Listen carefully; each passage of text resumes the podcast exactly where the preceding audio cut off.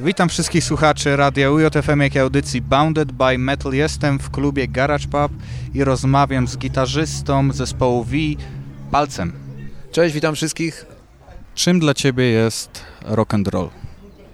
Rytmem, który czerpie korzeniami z bluesa, z muzyki afroamerykanów, a oni bezpośrednio przecież z afrykańskich plemiennych rytmów, podziałów, pentatoniki itd., itd. To oczywiście to jest moje zdanie.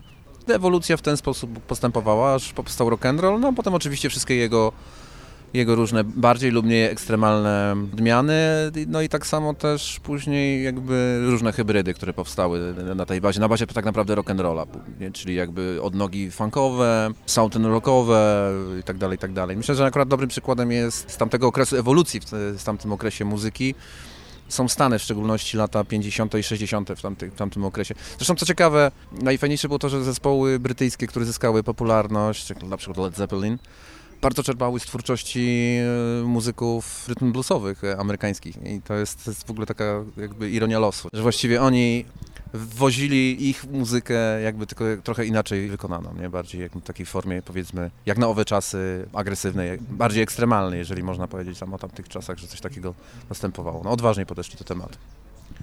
Czyli według Ciebie rock and roll to muzyka, stricte muzyka, nie podejście do życia, może nie wiem, styl ubierania, coś innego? Nie, absolutnie. Dla mnie w ogóle rock and roll to jest tylko i wyłącznie muzyka. To, że się wiąże to z jakąś...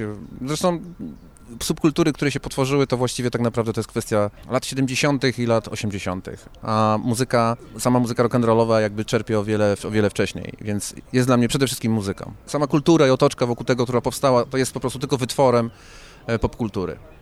O śmierci Rocka mówi się już od lat, jest to już wręcz taki rock'n'rollowy frazes.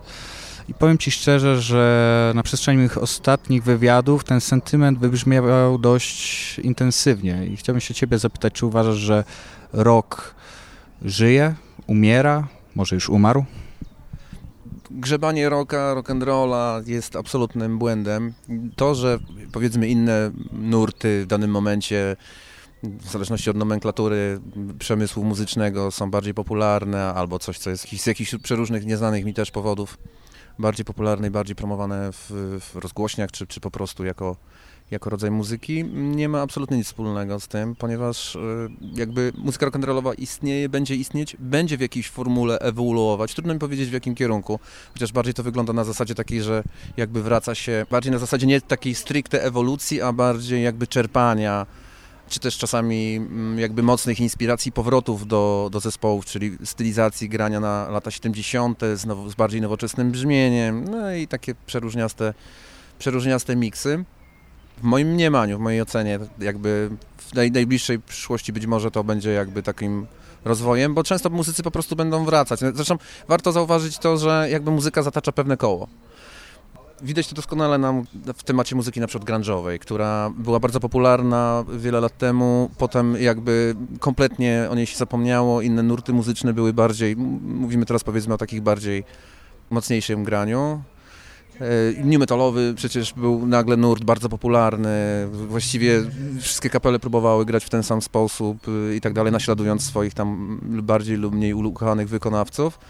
Natomiast y, Hmm. Najlepszym, najlepszym przykładem tego jest właśnie to, że, że teraz na przykład dosyć popularne zrobiło się powiedzmy granie, czerpanie z muzyki lat 70. Dużo sięga się do takiego starego, mm, prostego grania. Ono jest proste, w sensie jakby takim nieskomplikowane od strony jakby technicznej, od, od strony instrumentów, od strony tak dalej. Sięga się po stare, stary sprzęt, stare wzmacniacze mm, lampowe, tak dalej, nie? więc raczej to tutaj bym upatrywał rozwoju w tej muzyce, natomiast ona istnieje i będzie ewoluować, tak jak mówię, ona, to, że ona nie jest w tej chwili jakby priorytetem powiedzmy dla rozgłosu, to nie, nie zmienia faktu, że może jest powiedzmy na jednym, na, na jakimś koncercie w danym okresie powiedzmy nie wiem, 20 metalowców, to nie znaczy, że za 5 lat nie będzie ich 200.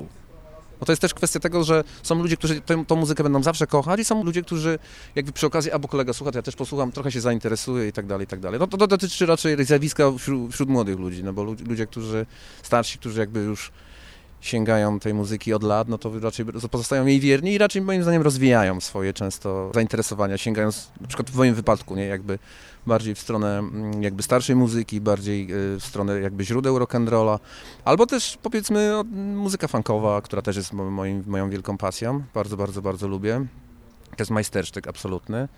No i to też jest jakby taka forma mm, poszukiwania od tego głównego nurtu, powiedzmy, rock'n'rollowego, takiego ogólnie przyjętego w ogóle w takiej, powiedzmy, polskiej świadomości, jak mi się wydaje. A nie wydaje ci się może, że fakt, że teraz wielu artystów inspiruje się tym, co już było, nie jest takim troszkę symbolem, że doszliśmy do pewnej granicy?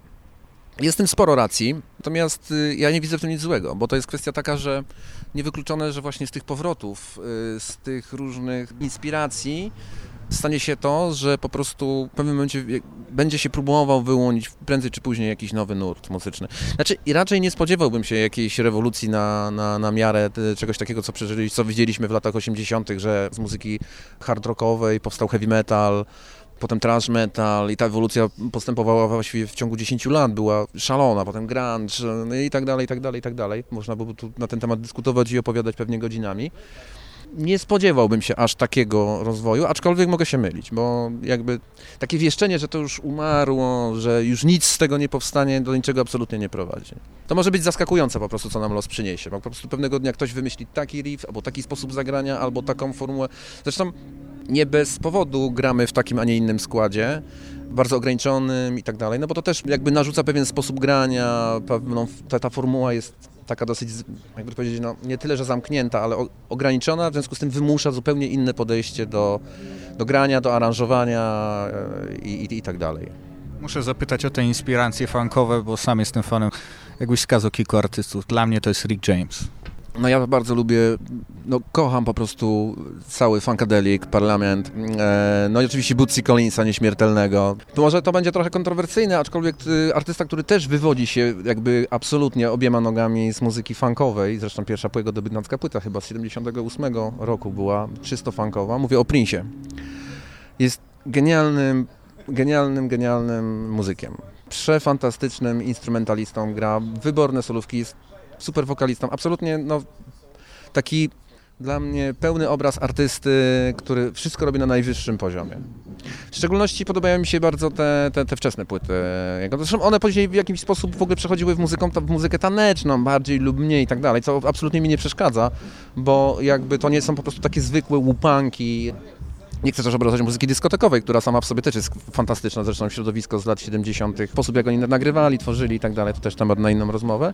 Natomiast e, to, że on sięgał po różne rodzaje muzyki i w tamtych czasach akurat muzyka taneczna stawała się dosyć bardziej popularna i tak dalej, nie wiem, czy to wynikało po prostu z kwestii zapotrzebowania, czy z kwestii po prostu chęci wyrażenia się artysty akurat w tym kierunku, ale nie widzę w tym nic złego. Zresztą jakby przyjdzie mi kiedyś taka potrzeba, to nie wykluczone, że też zajmę się muzyką taneczną, może sobie coś tam popróbuję robić. Zresztą parę razy y, gdzieś tam na tym polu się wykazywałem. A co myślisz o albumie Purple Rain? Bo przyznam ci się, że próbowałem go ostatnio odsłuchać, przekonać do Prince'a i jakoś mnie nie przekonało. Jedynie zamykający utwór Purple Rain, no i może Darlin Nikki to było coś, co mnie przekonało. Reszta niestety nie. Wiesz co, y, ten album jest tak naprawdę stworzony na potrzeby, to jest ścieżka dźwiękowa, więc on jest zupełnie inaczej tworzony, bo był, był tak naprawdę stworzony na zamówienie. E, sam numer Purple Lane jest całkiem fajnym numerem, zresztą z fantastyczną solówką, która, jako ciekawostkę mogę dodać, zresztą całkiem niedawno się o tym dowiedziałem, jest, e, ten numer jest nagrany na żywo, jest trochę wyedytowany na zasadzie takiej, że jest skrócony, natomiast solówka Prince'a i chyba wszystkie ścieżki wokalne są z tego koncertu, po prostu z tego wykonu live wrzucone na, na, na tą płytę. Nie jest to może rzeczywiście może jakaś e, najwybitniejsza jego płyta, niemniej nie uważam, że ona jest zła. Natomiast tak mówię, no, ja myślę, że problem jest taki, że ona naj, najzwyczajniej w świecie jest, nie jest stworzona na, na, na potrzeby po prostu filmu, nie? Dostał zamówienie, zrobił i tak dalej. Były pewnie, podejrzewam, jakieś wytyczne i tak dalej, jak to w show biznesie.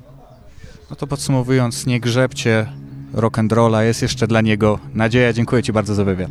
Ja również bardzo dziękuję. Do zobaczenia na koncertach.